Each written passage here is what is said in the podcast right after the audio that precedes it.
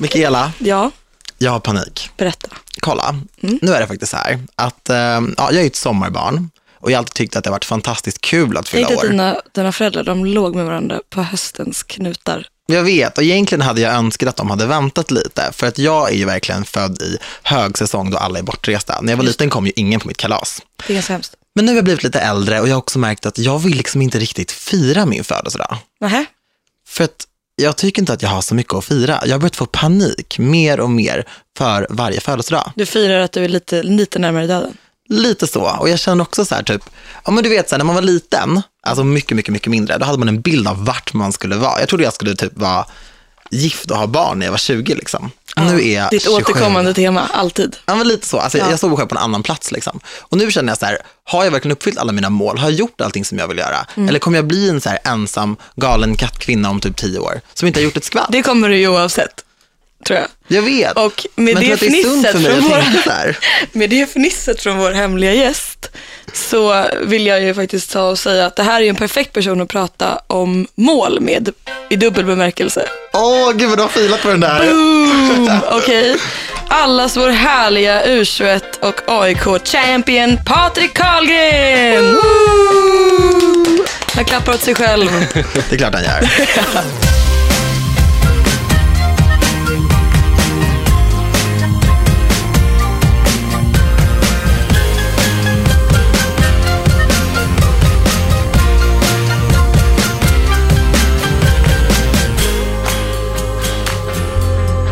Patrik, din Tjena, stjärna. tjena. Gud vad kul att du är här. Tack så mycket. Tack för att jag får vara här. Är det roligt? Det är Du jättekul. snurrar på din stol. Ja, det gör ni lite nervös. Men jag menar, vem, vem skulle annars liksom fnissa åt det jag har att säga om inte du? Så jag, jag tycker det är fantastiskt att du är här. Ja, det är jättekul att vara här. Det är kul att få dela med sig av det jag håller på med. Ja, faktiskt. Det är ju annars ganska ensamt ju. Stå där i en liten bur. Ja, det Ja. hur man ser det. För de som inte vet, Mikaela, Ja, om du skulle liksom, eh, Precis. vem är Patrik Karlgren för dig? så. Ja, det, det ska vi inte ta upp i det här programmet. Men han är en superhärlig, jätte, jätteduktig eh, ung herre som eh, är målvakt i AIK och även i U21-landslaget som precis vann EM-guld. Woo! Alltid bara woo. Och eh, han är också extremt eh, duktig tycker jag på att eh, vara en bra förebild för unga eh, drivna människor. Och du passar också perfekt för det temat som vi faktiskt har för veckan. Vi ska nämligen prata om mål i livet. Mm, och innan vi gör det, Daniel, så måste jag bara, för jag får ju aldrig säga framför Patriks fästmö för att slå ner mig. Vet du att det fanns en liten artikel om att Patrik var Sveriges svar på Ryan Gosling? Jag kan verkligen se detta framför mig. Alltså du, du är ju väldigt estetiskt korrekt. Du är inte jobbig att titta på, Patrik. Det, det kan jag inte mycket. påstå. Vad säger, alltså, får du höra det mycket? Nej, jag, Alltså, vad jag har hört det folk? några gånger. Jo, men det har jag gjort faktiskt. Men jag såg, jag såg en bild på dig på, som du la upp på din Instagram med din eh, ja, fästmö då. Ehm, och det var så kul för när man kollade kommentarerna så var det så här småtjejer som taggade sina vänner och bara fan, jag sa ju det, åh suck. alltså f- blev du liksom lite av en så här, eh, jag tänkte säga sexsymbol men det känns jättefel, men är det väldigt många som eh, fick upp ögonen för dig i och med att, du, att det gick så bra i Ja. Ja, Gud förlåt. Jag vet inte, det var väl mer och mer. Eh, Det måste jag väl säga under turneringens gång, om man säger så. Fick väl. Men jag vet inte, jag tänker inte så mycket på det om jag ska vara ärlig. Det är mest kanske om man lägger upp någon bild så bara, som du sa, liksom, åh nej, eh, hon ska väck, bla bla bla. Och så här, det, Stackars Charlotte. men vi skrattar bara åt det hemma, så det är en rolig grej. Men för att du har ju spelat fotboll väldigt, väldigt länge, men det känns som att allmänheten, och då menar jag också mig själv som kanske inte är så här superinsatt, fick upp ögonen för dig nu egentligen på senaste. Ja, så är det väl absolut. Det kan jag väl. Som u det är ett fantastiskt bra skyltfönster för Sverige och ut i världen, liksom för alla klubbar. Men hur är det liksom, alltså nu har ju du, nu har ju du gjort det som många människor, alltså aldrig någonsin kan drömma om att göra och vinna EM i en sport som man älskar. Men innan det här, alltså innan allt det här, liksom, hur kom det sig att du eh, ens tänkte att tanken att så här, jag klarar av att bli fotbollsproffs, jag kommer bli det liksom. Jag vet inte, jag alltid, ända sedan jag var liten har jag alltid haft en, en stark, väldigt stark tro på mig själv. Det, och jag går in till 100% i det jag gör, det spelar ingen roll vad det är. Om det är idrotten i skolan så har jag alltid varit tävlingsinriktad och verkligen, jag vet inte, som jag sa, 100% varje, varje gång jag går in i en träning eller match. Men vad tror du skiljer dig från alla andra som så här, någonstans så här, är på samma, var på samma nivå? Liksom, varför blev det du och inte dem? Eller vad man ska säga. Eh, jag vet inte, jag har valt bort ganska mycket i livet liksom och kanske fester med polarna. Kanske tagit bilen till festerna istället liksom och, eller åkt hem tidigt, stannat hemma och kollat på film. Mm. Vart kanske den här tråkiga killen men alltid brunnit för det jag gjort och haft ett mål och vilja spela fotboll. Och Men det handlar kanske lite om så här, uppoffringar, eller? Ja men precis och sen man vet ju vem som är ens vänner liksom då. När man verkligen prioriterar det man, man själv tycker mest om. Mm. Men du har alltså alltid haft en väldigt stark tilltro på dig själv, liksom, trott på dina drömmar.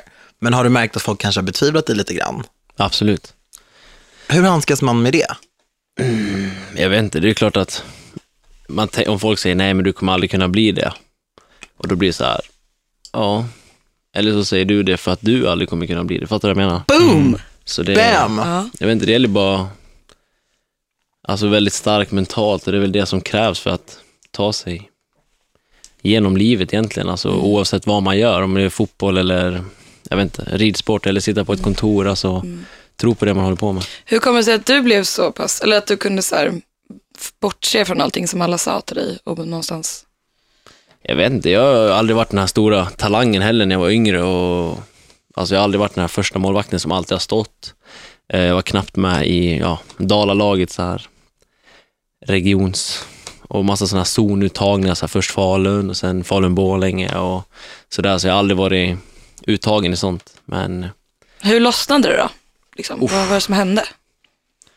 jag vet inte, extremt mycket träning, verkligen, och eh, ja, tro på mig själv. Eh, alltid gått upp tidigt på morgnarna, hunnit med gymmet innan skolan, eh, allt sånt liksom. Alltså jag tittar bara på Daniel när jag hör allt det här och tänker så här, åh, du skulle aldrig... Vad menar du med det?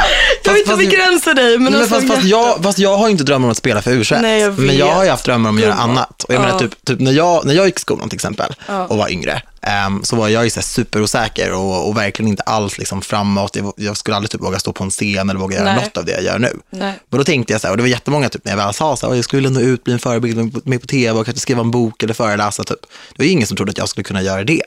Och det är klart att det var lite jobbigt. Alltså, man blir så pass ifrågasatt och så pass betvivlad, det tar ju på en någonstans. Ja, det är klart. Liksom. Och det är Absolut. väl lite det, vi pratar ju väldigt mycket om så här drömmar och att man verkligen så här, ska våga hålla fast vid det man faktiskt vill göra och tror på. För att om man bara låter sig nedslås av alla andra jämt, då kommer man ju aldrig liksom kunna få leva fullt ut. Nej. Tänk om du hade lyssnat liksom och inte, och inte kanske satsat så himla mycket för att det kanske inte var en idé ändå. Ja, men precis, och sen Då hade vi inte vunnit guld. kanske inte det. Nej, jag vet inte. Nej, Jag vet inte, det är, alltså, det är som du säger, det är klart att det är tufft mentalt och det är då det gäller att vara stark och jag vet inte, det är tråkigt att säga att man ska bara motbevisa, men på ett sätt så är det väldigt, väldigt skönt och motbevisa alla som inte har trott på en, om man säger så. Får jag fråga, när du, liksom, när du gick i skolan, alltså i grundskolan, var det många som, alltså, hur blev du behandlad? Alltså, vad, hur var, liksom, vem var du? Och hur Vart blev- växte du upp någonstans? I Dalarna? Ja, i Falun. En mindre stad? Ah, det är ganska stor. Det är Så, okej. Jag vill alltid 55 så. 000 invånare tror jag. Som Täby. Eller hur? Det är inte så mycket va? Nej, men låt dem. Nej, jag tycker det är fantastiskt. Jag har faktiskt varit i Falun. Ja, men jag Jag, jag känner, um, Cissi Fors bor ju där, eller kommer ju därifrån. Hon är skådis, eller, vet eller hon, jag Ja, hon, ja. hon var det. Nu är hon med, hon var med i ICA-reklamen i alla fall. Ja. Ja, men det vet jag om det. Falun har många talanger. Ja. Jo, men berätta. Vem, vem var du i skolan liksom? Jag vet inte, jag kanske var den här eh, kaxiga typen, kanske, i onödan vissa gånger. Mhm. Som man kanske har funderat på idag, var- varför man var så och varför man gjorde så. Varför tror du det? Har du kommit fram till något? Jag vet inte, man kanske var osäker på sig själv. Eh, Mm. Man kanske trodde att man var mer än vad man var och allt sånt, men jag vet inte. Jo, men det är klart att jag ångrar många situationer jag har gått igenom i skolan och sådär, men jag har alltid pluggat och gjort mina betyg och gjort hela skolgången liksom på ett bra sätt, även Mm. om jag prioriterar min idrott väldigt, väldigt högt. Har du alltid varit eh, så snygg? Nej, jag vet Åh, inte. det kommer så mycket skit av Var det, var det skolans Ryan Gosling? Jag var skolans Ragos. Nej, jag vet Eller ingen Faluns. aning. Han har också två bröder som är assnygga. Det är så? Ja. Åh, gud vad härligt. Skit, skitsnygga. Okej, men fan, eh, men jag tänker så här. äh, Alltså eftersom att du, ehm, du växte ju upp i en småstad. Och då kan det ju vara så här, om man har lite högre drömmar i, i en mindre stad så kan det ju bli att man liksom blir så här, du ska inte tro att du är någonting. Eh, och det har ju vi pratat om lite innan, att det har ju du fått vara med om ganska mycket, så här, att folk har typ hackat rätt mycket på dig liksom. Ja, Hur handskades du med det? nej jag vet inte, man försöker, alltså, som du säger, alltså, att få kritik, det är klart att det påverkar en människa oavsett vad. Alltså, läser man en artikel där man får kritik, då är det så här, aha, ja, ja, eller, läs, eller får man höra någon säga, men man försöker ju, och sen på äldre och senare dag så har man alltid försökt koppla bort det liksom, och det, det visar ju bara att de som snackar skit om en, eller de som inte tror på en, det är de som, som inte är något egentligen, om man säger så. Mm. Det är en ganska härlig inställning. Men man tänker ju väldigt sällan så när man är yngre. Det var aldrig som att jag tänkte så här, alltså jag tänkte ju bara att typ, de kanske hade rätt. Just när man är yngre, och det är typ det man vill säga så här, till folk som kanske kritiserar andra människor, att så här, man vet aldrig vad det faktiskt kan leda till. Man tror att det kanske bara är små gliringar eller små så här, hårda ord, eller bara så här, men det, det tar ju på mer än vad man tror. Absolut. det Tänk alla drömmar som slocknar varje dag, liksom, på grund av vad folk säger. Jag skulle inte vilja ha det på mitt samvete. Nej. Nej, det, det är så jävla det är hemskt det där. Vi har ju pratat om många gånger i podden att det är så jävla synd att se så mycket folk som verkligen bara så här, Ja. slutar med det de vill göra för Och att alla, säger att liksom, de inte kan. alla enormt talangfulla människor som vi ändå har haft i podden och kommer att ha i podden säger ju samma sak. Ja, det är verkligen det. måste vi ändå komma fram till. Men tänk om de hade slutat med det. Mm. Tänk om Patrik inte hade spelat fotboll. Tänk om Oscar inte hade sjungit. Tänk om Molly inte hade sjungit. Sara. Sara. Förstå vilka talanger som vi hade gått miste om. Mm. Ja. Mm. Förstå hur många sådana som det faktiskt finns. Som faktiskt lägger ner. Men jag är intresserad av så lite grann hur det är bland så unga killar eh, i skolorna. Alltså, för att jag kan ju någonstans bara re- relatera till hur det är att vara tjej och den typen av gliringar och hur man är då. Men så här, du som växte upp ändå med, ja men du var väl ändå rätt grabbig när du var liten liksom. Du så här, Ja, slogs och hade dig, det grabbig i den, i den typiska säga, Machokultur, machokulturgrabben. Ja. Eh, liksom hur, jag kan tänka mig att det är rätt, ganska många som är så fast i det, som inte riktigt vet hur de ska ta sig ur. Liksom. Alltså många unga killar som är så här, jag måste slåss eller jag måste visa mig cool fast egentligen så är jag jättebräcklig. Liksom. Eller så här, hur, alltså, hur kommer det sig att du bara kunde sluta med det liksom, och fokusera på det som du verkligen ville göra istället? Eh, jag vet inte, det var, man, alltså, jag vet inte, man gick väl runt och tjafsade i skolan och sånt här i onödan, alltså det var väl, det var mycket sånt, men jag tror man gör det för att man är väldigt, väldigt osäker och man vill, man vill verkligen, alltså på något sätt vara pajasen i, i klassen, i, kanske i onödan. Men sen när vi ser att man ska hålla ett tal eller något inför klassen och alla verkligen kollar på en och det är så här, då är man inte så kaxig längre. Då står man där, jag var i alla fall extremt nervös för att hålla tal inför klassen. Mm. Och jag vet inte, komma ur det, jag vet inte, det var väl att jag hade väl mer att förlora på det än att vinna på det tror jag. Men blir du fortfarande nervös när du, har, när du är i situationer där väldigt många personer tittar på dig? När Du Nej. kan prata inför folk och så. Nej, jag har inte stått in på, jo i och för sig så har jag gjort det men ja, nej det kan jag inte påstå, inte på samma sätt, verkligen inte. Nej. Men nu är det också för en annan anledning som man står framför massa folk. Nu är det ju för att han faktiskt har uppnått någonting. Absolut, men det kan vara pirrigt. Mm. Ja, absolut. Ja, jag är jättescenskräck. Man får ju typ det lite grann. Eller jag kan, vara, jag kan stå på en scen och prata för tusentals människor, men jag ska prata för en liten grupp. Ja, typ 30 verser. Typ. Eller typ nu för att vara en jättesnygg kille. Jag vet knappt vad jag ska säga. Gumman. Du raggar på alla. Ja, Men lugna dig. Ty- Tyvärr Patrik, ser du ringen där? Ja, det är lugnt. Jag, det är lugnt. jag raggar inte på alla för övrigt. Jag skojar bara. Jag skojar bara. Ja, nej men eh, fan, det, vi måste ju någonstans liksom prata lite om det här. För jag, jag känner liksom så här att, som vi säger så ofta, att, att just att mycket talang försvinner med, med någon form av självtvivel. Och det är också därför som vi har podden, för vi vill ju verkligen visa upp extremt talangfulla människor. Och det som har varit så intressant är att alla tar upp just den här grejen. Tänk om jag hade slutat. Och det är också därför det blir så påtagliga exempel när man har alltså någon som dig, Patrik, eller någon som ja, typ Sara Larsson, alltså de som vi ändå har haft. Att så här, just det här liksom tvivlet som man kan plantera hos människor, hur mycket skada det faktiskt kan göra. Och det är väl lite det som man också vill så här, prata om, alltså typ, har du någonsin känt dig, alltså så här, har du någonsin tvivlat på dina mål, Mikaela? Ja, jätteofta, för jag har ju liksom haft så många olika. Jag, först när man var liten så vill man vara någonting. Och sen så nu så liksom, nu känns det som att jag ändå har uppnått ganska mycket av det som jag ville göra. Men då blir det så här, jag tvivlar fortfarande liksom på det lite grann. Inte för att någon annan säger till mig så att jag inte kan göra det, utan för att jag typ själv känner så här. Men tror du att det är du själv som tycker det, eller tror du att det är så här omedveten påverkan? Nej, okej så Att här. Jag tror på riktigt gliring, att jag är liksom. typ, jag bryr eller så här, jag tror, det här har jag typ aldrig erkänt för mig själv ens, men jag tror att folk som jag har känt länge typ inte unnar mig att det går bra för mig egentligen. Och att de tycker att jag typ bara är, att jag har ändrat mig och jag bara gör någonting. Alltså fast det egentligen verkligen är jag till 100% som gör allt där. Så blir jag typ lite nervös och tänker så här, ja men de, de typ tänker inte att det här är så här. Jag vet inte hur jag ska förklara. Bara Alltså- dina riktiga vänner som känner dig väl? Nej men så här, typ att de kanske tänker så här, ja men det här är liksom, det här är bara någon, någon tillgjord grej för att hon ska liksom bli, jag vet inte, känd, stor liksom. Och sen så blir jag så här nervös typ, och tänker att så här, de kanske inte tycker att det här, eller de kanske inte tror att det här är jag typ. Fast vad spelar det för roll vad Nej alla men det andra gör tycker? inte det, men jag tänker så. Ibland. Jag vet. Känner inte ni igen där? Nej. Ah, Jag vet inte, alltså, du, man kanske är lite brydd om vad andra tror tror jag. Ja. Och det är väl, det är väl den farligaste rädslan egentligen. Alltså man, det är det som man, man inte ska göra. Man ska väl, alltså, försöka bry sig så lite som möjligt om vad andra tycker. Men kan du aldrig känna typ så här att du tänker på folk du kände back in the day liksom? Att så här, undrar vad de säger om mig nu? Eller lite så. Nej, jag vet inte. Det, är- som jag sa, jag vet inte, man vet ju vilka som är ens vänner Ja. och vilka som har förstått vad man har satsat på. Liksom. Ja. Och de andra, de, jag vet inte, de pratar jag inte ens med eller något Hur är sånt. det liksom. när du Men kommer de får hem väl nu? tänka vad de vill. Liksom. Det, Ja. Så jag brukar kalla det, jag tycker att det är ganska mycket s- avundsjuka, alltså så ser jag det bara, svensk avundsjuka. Men du är ju så himla, jag tycker du har så himla skön och avslappnad syn på allt det där. Men jag, jag vet ju att det, det ibland, alltså det, att du kan liksom, ändå när du kommer hem, att det kan bli lite stökigt liksom. Vad, vad händer när du kommer till Falun? Eller innan liksom U21 och med allt med AIK när det börjar gå snabbt för dig liksom.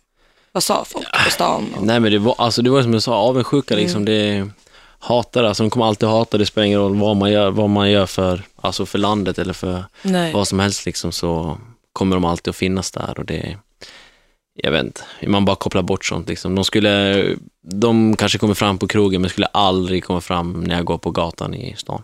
Nej. Det är väl lite den här grejen med att man alltid ska vara till lags. Jag tror ju typ att det är en så här mänsklig grej, att alla människor vill vara omtyckta och man vill vara alla till lags innerst inne. Man har det där i sig, man ska liksom plisa alla. Mm. Men att Inom liksom, allt liksom.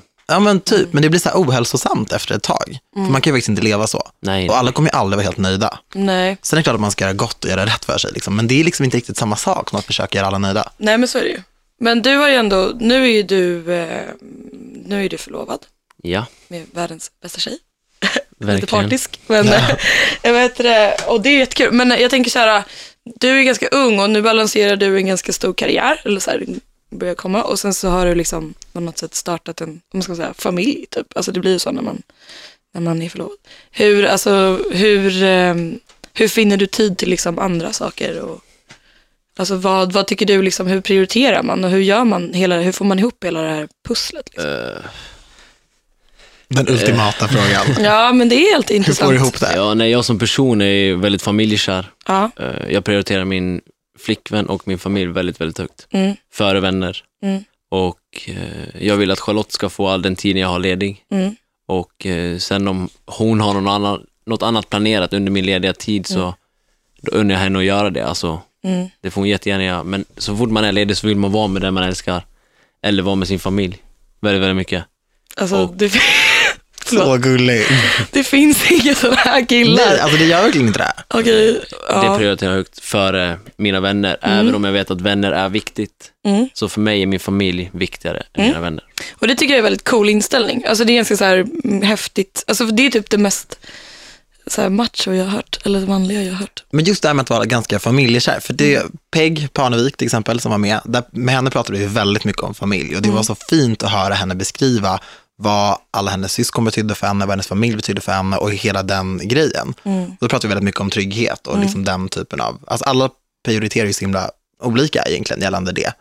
Ehm, men det är också så här väldigt fint, typ, eh, alltså alla tonåringar, eller folk som är unga, har ju oftast perioder där de så här revolterar mot sin familj. Det är nästan lite häftigt att typ inte tycka om dem, eller säga att man inte tycker om dem i alla fall.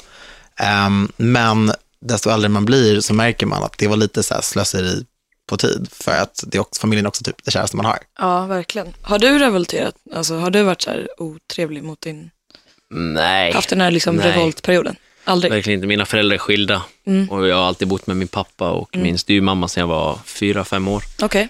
Och sådär, och min mamma har alltid bott i Göteborg, så jag har ju växt upp med min pappa och min styvmamma hela livet. Mm. Och eh, vi är sex barn och två föräldrar, så vi är en väldigt stor familj. Gud vad och, härligt. Ja, och det är väldigt, det är min trygghet. Det och Charlotte är verkligen min trygghet. Mm. Men du, du bor ju inte nära dina, alltså din familj längre, utan du bor ju här och de bor Två där. timmar. Ja, men hur får ni ihop det då? För jag har ju sett att ni är duktiga på Facetime och sådär. Men hur, hur, hur, vad gör man liksom? Alltså, vad, Nej, man jag, är- vet inte, jag, har jag pratar med min pappa ofta, väldigt ofta. Min pappa är min stora idol. Eh, så och min bästa vän och mina bröder också mina bästa vänner. Det är, så jag vet inte, det är, jag försöker åka hem på lediga dagar. Uh, alltså ja, vad som helst bara för att få den lilla tiden med familjen. Liksom. Mm. Vad skulle du säga att du har för roll i familjen? Är du, är du mellan, är dina syskon äldre eller yngre?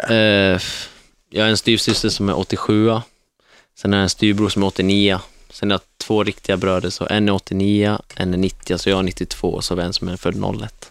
Åh gud vad Oj. Är du oj, oj. 92? Ja. Oh, Hur sjukt är det? Det är lite Det är galet. så ball. Fast vi har sagt att vi inte ska säga så här om folk som är unga. Vi ska bara säga att Nej, jag tycker det är asballt, men då tänker jag ju så här, jag som är 88, det, det här är så lätt hänt också, att man liksom använder andras liv som en måttstock för sitt eget. Så tänk dig då, man sitter hemma och kollar på Patrik Carlgren och tänker så här, okej, EM-guld, du har en asbra relation till din familj, du är förlovad, du ehm, har en ganska bra syn på livet. Mm. Alltså hur gör man för att inte få ångest av andra människors framgångar? Jag vet inte. Ja, det kommer till att tro på det man själv gör. Alltså, jag är inte avundsjuk på någon annan. Alltså, unnar du alla människor sina, liksom, eller så här, har du någonsin, så här, har inte du jämfört dig med någon annan? Det är ju ganska vanligt i sport. Men är det Jo, verkligen avundsjuka känner jag? Nej men det är typ inte det. Jag tror bara att, Nej, alltså inte avundsjuk, men jag unnar.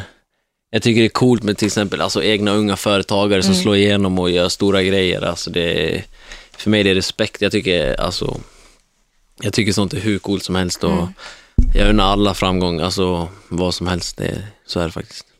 Men du kan aldrig liksom känna typ, att du får prestationsångest. Till exempel sociala medier, när man kollar in typ Instagram. Typ, du är ju verkligen i en bransch också där det är ganska tuff konkurrens skulle man kunna säga.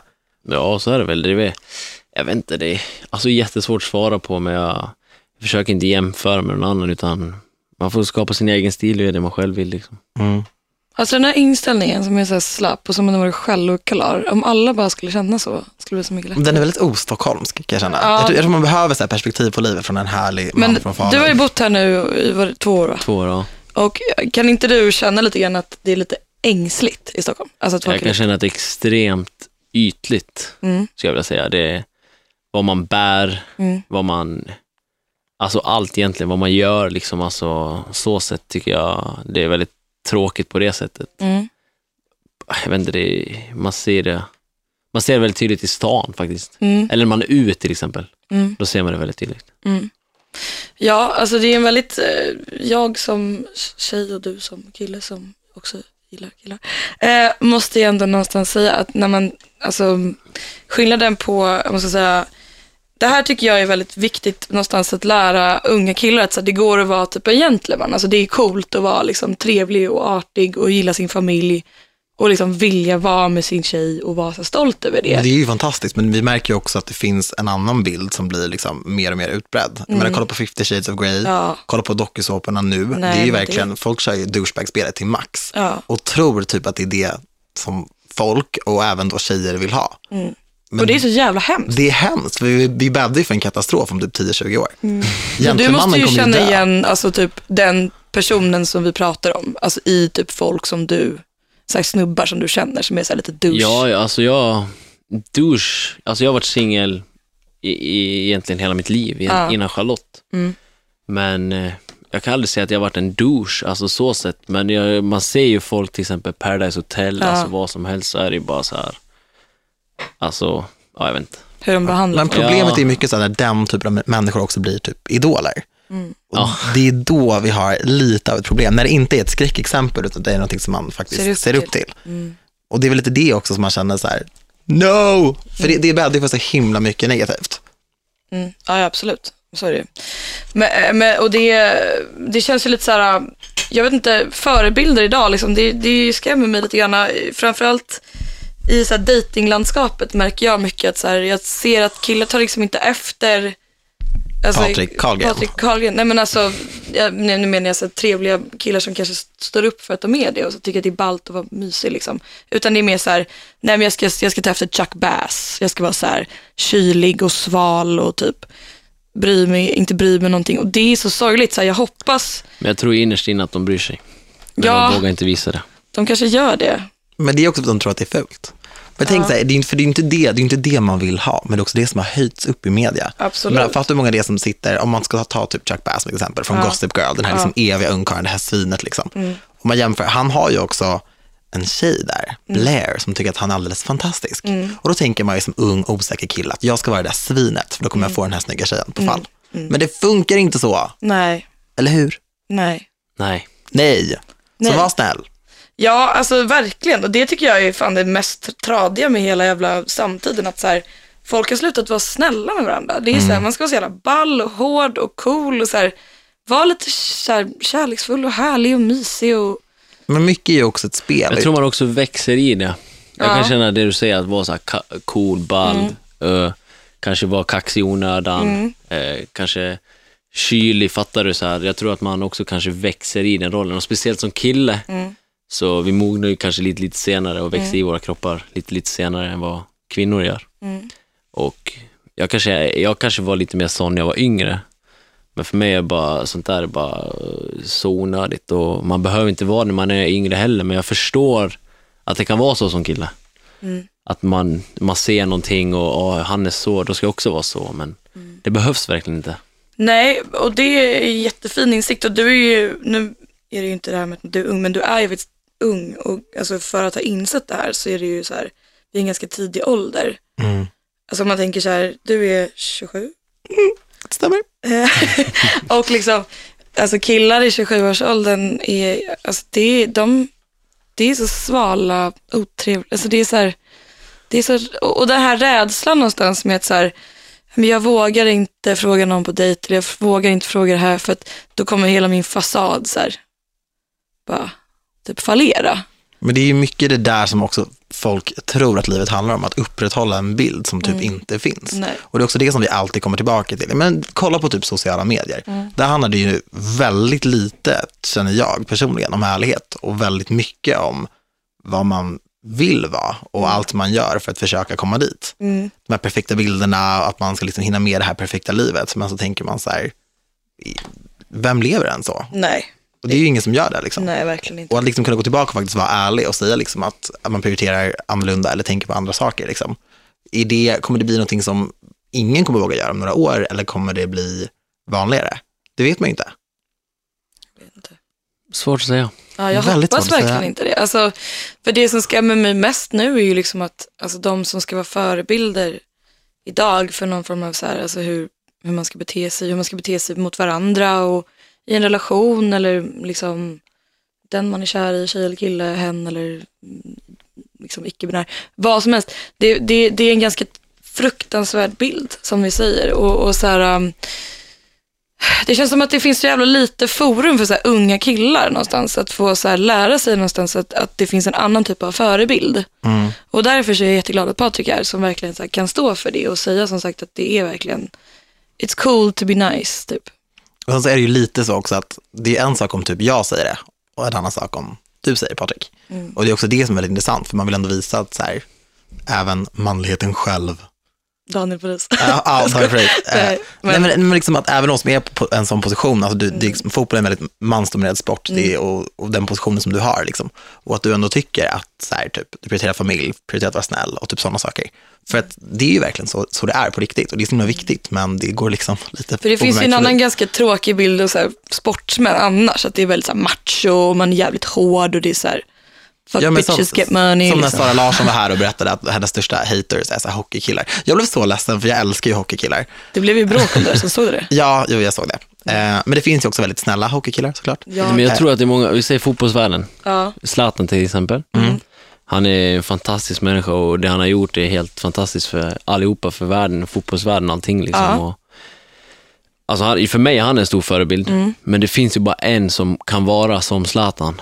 Alltså det finns ju bara han, det finns ingen annan som kan ta hans attityd. Nej. Det finns ingen annan som kan, alltså man kan ta kanske någon fint av honom, man kan göra så, men man kommer aldrig kunna klä upp sig själv i Zlatan. Det Nej, går inte, det är omöjligt. fint sagt. Ja, men just att kunna släppa det, för det finns ganska många exempel. Om man, alltså det finns ganska många Zlatan-situationer som man kommer att hamna inför och det finns ganska många Zlatan-personer som man kanske inte, alltså man ska liksom inte jämföra sig själv, Nej, nej, men mer sen- typ en inspiration. Ja, men alltså han är ju jätteinspiration med tanke på det självförtroendet han besitter. han absolut. hade, jag tror aldrig han hade varit där idag om inte han hade haft det självförtroende han har. Nej, För tänk, allt som han har blivit nedskriven i media, allt, allt har sagt till honom när han var ung och allting, liksom, han var ju... Och så nu är han en av världens bästa fotbollsspelare. Liksom. Det, för mig är det så jävla coolt alltså. mm. ja, jag tycker det är ball. Och sen, det är som jag sa, det finns bara en av honom och sen, det är klart, man måste kunna se utanför honom också. Mm. Alltså, jag vet inte, han, visst man kan ta efter hans attityd, alltså inte hans attityd kanske, men eh, alltså hans självförtroende och allt sånt där. Sen kan man ju göra andra saker åt annat sätt, men han är ju en fantastisk människa och verkar väldigt, väldigt snäll. Om man skulle göra som så, och det här är en jätteknepig fråga, men om man liksom skulle konkretisera tre tips för den som verkligen vill leva sin dröm och uppnå sina mål. Vilka tre tips skulle vi vilja ge? Ja, nej men jag tror att eh, mycket som Patrik säger och så som jag själv kan känna igen mig i det här att, att liksom någonstans bara, bara gå vid, eller så här, som du brukar säga, så här, keep on trucking. Alltså så här, skit bara i vad folk säger till dig. Alltså det är jag, de kommer säga det och de kommer trycka ner dig men det är jag som står där jag står, inte du. Alltså någonstans så, liksom att så här, du har sagt åt mig att jag inte kan hela tiden. Men jag sket i att lyssna på dig och nu står jag här och det gör inte du. Väldigt bra tips. Mitt tips skulle nog vara att tänka så här, vem lever du för egentligen? För det finns väldigt många situationer, även jag har varit i den sitsen, jag tänkt så här, okej, men det kanske är så och jag kanske inte ska göra det, jag kanske ska göra det istället som den personen gör. Eller så. Så jag tänkte så här, men fast det är faktiskt jag som lever mitt liv och jag vill ju verkligen det här. Att faktiskt nästan göra sig själv påmind om det. Mm. Att jag gör min grej för mig och ingen annan. Mycket bra. Gillar vi. Nu har vi två tips. Mm. Jättebra. Uh, Stackarn, du fick göra det sist liksom. Ja, det är svårt. Nej, Och nu är allt bra sagt. Nej. Nej. Nej, men det hör väl ihop egentligen allting, liksom alltså tro på sin, sin sak som du säger. Alltså ge aldrig upp det mål man har, det huvudmål man har. Sen är det klart att man måste ha små, små delmål på vägen. I alla fall är det jag håller på med. Mm. Man sätter upp ett stort mål och sen sätter man upp små, små mål hela tiden. Och sen det- står man i mål. Sen står man i mål. Sen är det tunnelseende, Verkligen Eller hur? tunnelseende. rakt framåt. Mm. Och jag tycker det är Bra bra det du sa Patrik också med det här med uppoffringar. Alltså att man, man måste ju faktiskt uppoffra saker för att kunna ta sig dit man vill. I nästan alla fall. Alltså saker kommer ju inte bara hända. Nej. Och det är väl också lite det som också kan vara en väldigt viktig sak, att, att förstå att man måste ändå kämpa lite för sin dröm. Man måste kämpa för sina mål. Ja, Det är klart. gud ja. Och det är ingen annan som kommer göra det åt en. Nej, inte ens de som har betvivlat dig. Nej. Det är verkligen inte de. Patrik, vad är dina framtida mål nu då? Uff, eh, mina framtida mål, nej jag vet inte. Det, jag har kontrakt med AIK 2016 ut och jag trivs jätte, jättebra. Precis köpt lägenhet på Kungsholm med min fästmö och allt sånt där och det, jag trivs superbra. Eh, sen har jag som mål att spela ut i Europa och det är ett mål som jag har haft sedan jag var liten och det är en pojkdröm som jag jobbar stenhårt för. Mm. Som ingen kan stoppa dig. Are you gonna get there? Yes. Hell yeah! Hell yeah. Okej, fan vad härligt. Det här var ett good talk känner jag. Jag känner mig jätteupplyft. Jag är också i chock över att vi inte har börjat asgarva en enda gång. Nej, jag försökte inte kolla på dig. Aj, aj, aj. Ja, tack för den Ela. Jag försöker alltid inte kolla på micken. Nej, jag skojar Gud, bara. nu är jag leds- ledsen. Okej, fan hörni, jättetrevligt i som vanligt. Eh, det här är ju faktiskt näst sista avsnittet. Så himla sorgligt. Vilket- Hur kul har vi haft den här ah, sommaren? fan, jag, jag, fick, jag blev lite emotional. Me too! Eh, fan, det är väldigt intressant att få avsluta med en så stark eh, så här, manlig förebild Ja. som Patrik. Och ni kan fortfarande interagera med oss dock. eh, Absolut. under hashtag cluelesspodd i sociala medier. Vi läser och ser allt, likar, Jag favoritmarkerar tycker och ni gör borde det vi vara lite bättre på det ändå, för ni skriver rakt ut i luften, men sen så... Jo, men de tänker att vi ser. Men Ja. det var också för att hashtaggen är cluelesspodd. Egentligen så är inte hashtaggen clueless, för det kommer upp massa annat. Ja, verkligen. Eh, men, så ni får hemskt gärna fortsätta med det. Och, eh, Clueless-podd med ett D. Mm. Vi lyssnar, vi tar till oss, vi är jätteglada att ni lyssnar. och den här podcasten gör vi tillsammans med I Like Radio, som är, Sveriges enklaste musiktjänst. Och det var allt för idag. Patrik Carlgren, tack, Patrik. hjälte. Tusen, tusen tack för att du kom idag. Tack så jättemycket. Nästa vecka, vad händer då? Nästa vecka är det bara du och jag. Men vet du vad, jag är så himla, himla taggad på det. Vi måste ju på någonstans gå igenom alla dessa underbara avsnitt och försöka komma fram till några härliga sanningar. Det absolut sorgligaste är nog att sommaren är slut. Men vi hänger inte löp för det. Nej, det gör vi inte. Hörs nästa vecka. Puss och kram. Puss. Produceras av I Like Radio.